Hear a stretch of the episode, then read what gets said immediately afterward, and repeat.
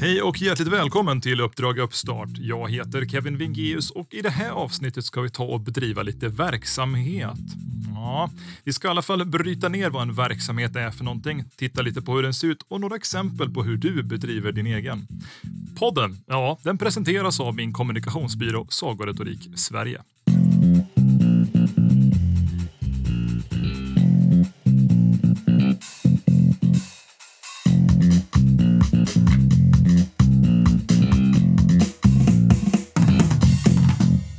Ja, en verksamhet, det är en processenhet kan man säga. Där input omvandlas till output.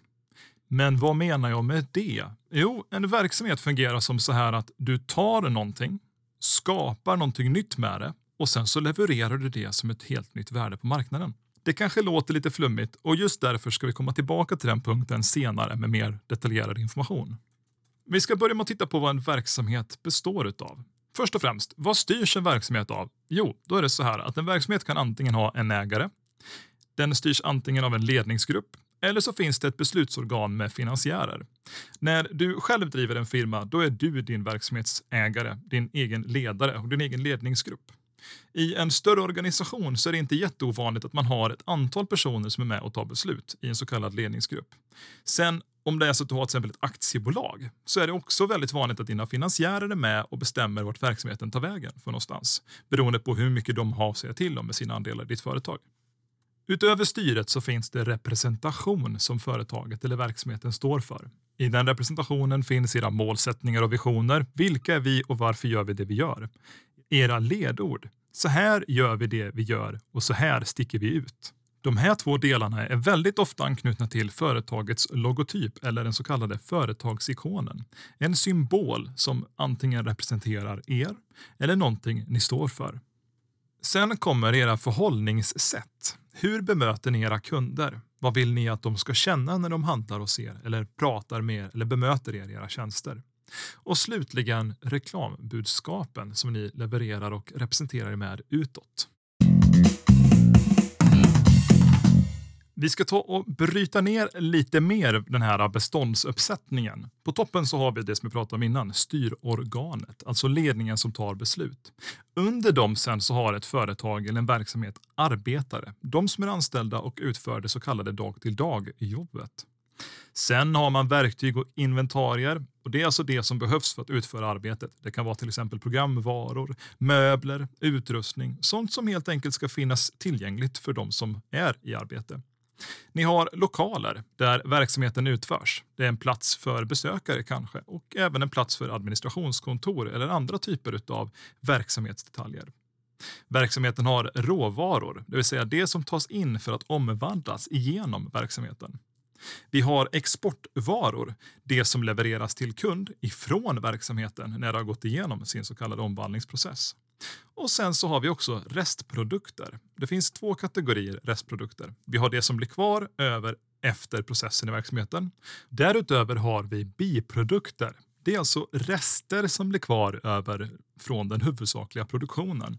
Sånt som kanske går att sälja på en annan marknad eller till andra verksamheter. Och för att en verksamhet ska kunna bestå behövs såklart anknytningar. Anknytningar i det här fallet, de är dina kunder, dina partners och samarbeten, de projekt och satsningar du är delaktig i och ditt övriga nätverk. De som följer dig och som inte köper någonting men som tycker om det du gör. De som är villiga att köpa och handla utav dig. De som du handlar av personligen och återkopplar till. Och allt det här binder an till din marknadsföring. Härnäst tänkte jag ta ett exempel på en verksamhet som jag brutit ner till en så kallad MVP, den minsta tillgängliga produkten. Vi ska ta och lära känna Diana. Hon är egenföretagare. Som företagsägare är hon ensam ledare och tar alla beslut. I firman säljer hon bekväma märkeskläder som hon köper in från en leverantör i Nepal. Om plagg är skadade eller reklamerade tar hon tillvara på tyget och designar inredningsdetaljer som hon också säljer i butiken för att tänka hållbarhet. Butiken i sig driver hon i en lokal i stan som hon hyr i andra hand av en vän som var villig att stötta henne när hon startade upp. Det är inte alltid sånt händer, men i hennes fall hade hon tur. Butiken i sig är inte så stor och hon tar hjälp av sin familj när trycket blir högt då hon inte har råd att ha några anställda. Hennes logotyp är bara företagsnamnet skrivet i färgen blå och med ett teckensnitt från programmet Word som hon tyckte såg trevligt ut. Men hon har också insett att för att kunna ta ett högre pris på sina varor och sticka ut så behöver hon en ny fräsch logotyp som signalerar rätt signaler till kunden. Hon har därför börjat nätverka online och blivit erbjuden rabatt på framställningen av en ny logotyp hos en grafisk designer som hon har träffat på. Ledorden i Dianas företag är bekväma kläder i alla väder. Så när hon får rabatt tänker hon till. Diana vet att värdet av kundbemötande det är högt då hon jobbar ansikte mot ansikte med besökarna i sin butik. Så hon erbjuder i gengäld för att designen ger henne en rabatt, en kompisrabatt i hennes butik. Win-win, tänker hon. Win-win, tänker vi. Även i sina reklambudskap har hon tänkt till med sina ledord och tar emot skänkta kläder som hon tillsammans med en andel av det som blir återlämnat skickar till välgörenhetsorganisationer. En så kallad goodwill. Ja, så här kan det faktiskt se ut i ganska mångas verksamheter. Men hur vet du hur din egen verksamhet ska se ut? Det finns en grundläggande innovationskompass som kallas för möjlighetskartan. Den bygger på fyra frågeställningar i sin stora helhet. Vi ska komma tillbaka till den tillsammans med många andra modeller i nästa avsnitt av Uppdrag Uppstart som kommer att handla mer om hur man lyfter fram dina idéer. Men de här fyra frågorna kan du börja på att fundera över redan idag. Inledningsvis bör du fråga dig själv vad är det jag vill göra för någonting? Sen frågar du dig vad är det jag behöver för att kunna genomföra det här? Den frågan i sig knyter då an på de två sista. Vad är det jag redan har? Och vad kan jag få tag på och när? När du har skrivit ner de här frågorna för dig själv och börjar fylla i svar så får du en väldigt god överblick på vad som kan behöva anordnas innan du kommer igång. Börjar du nätverka så kommer ganska många av de här fälten successivt att fyllas i väldigt effektivt. Det tror jag i alla fall. Men du, jag vet, vi tar och kör lite hjärngymnastik. Ja, de här frågorna som du skulle börja på fundera på innan, man kan ta och göra de här utan att själv beröra sin egen verksamhet.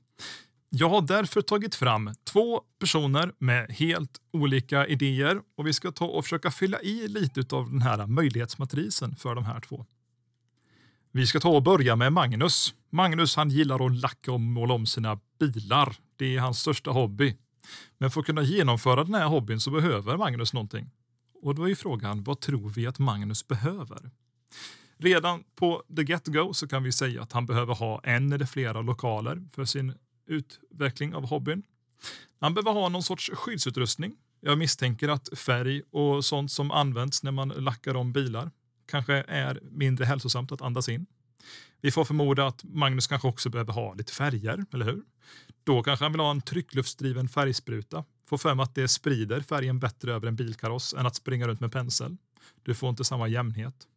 Han kanske bestämmer sig för att han behöver ha lite schabloner. Schabloner tillåter honom att lägga färg på specifika områden utan att lägga färg på något annat samtidigt. Så att han kan göra lite snygga slides eller någonting som ligger med på bilen.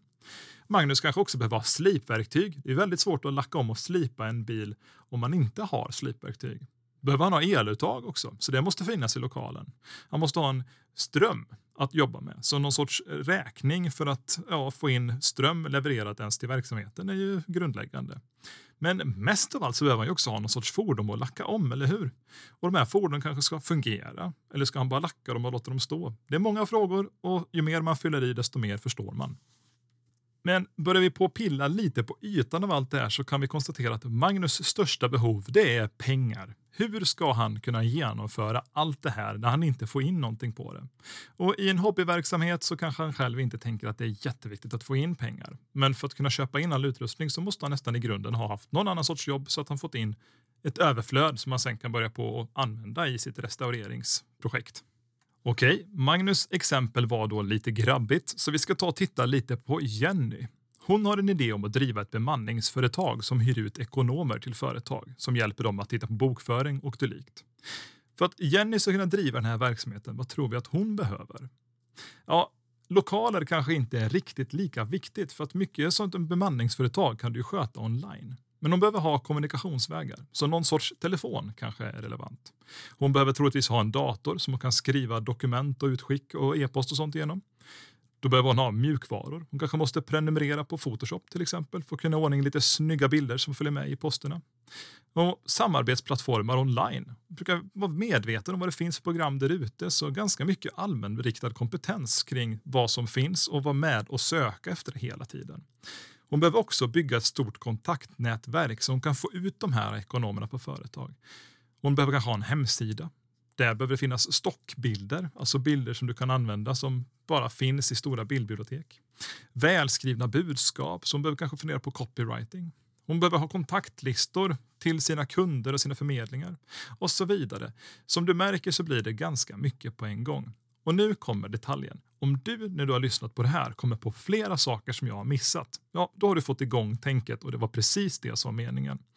Du förstår, varje verksamhet har sina unika behov. Vissa av behoven är generella för en verksamhetsgren, som att Magnus behöver ha slipverktyg och färg för att kunna lacka om sina bilar. Andra kanske är unika för just din verksamhet, som att Jenny kanske behöver en väldigt specifik logotyp för att sticka ut på sin marknad. Eller så kanske hon behöver ha väldigt specifikt anknutna budskap. Magnus behöver ju som du märker ha en grundekonomi innan ens kan sätta igång. Och var man står, vad man erbjuder och vad verksamheten ska representeras med, det är upp till var och en att bestämma. Men vad som är viktigt för dig att ta med dig från det här är att du måste inte börja med alla svar på en gång. Nej. Många svar fyller vi ut längs vägen. Ja, jag hoppas att du har fått lite inblick i hur du kan tänka med din egen verksamhet framöver.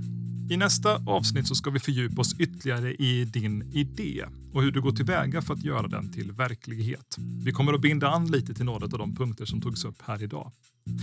Men jag har varit Kevin Vingeus och du har fått en inblick i vad en verksamhet är och går ut på.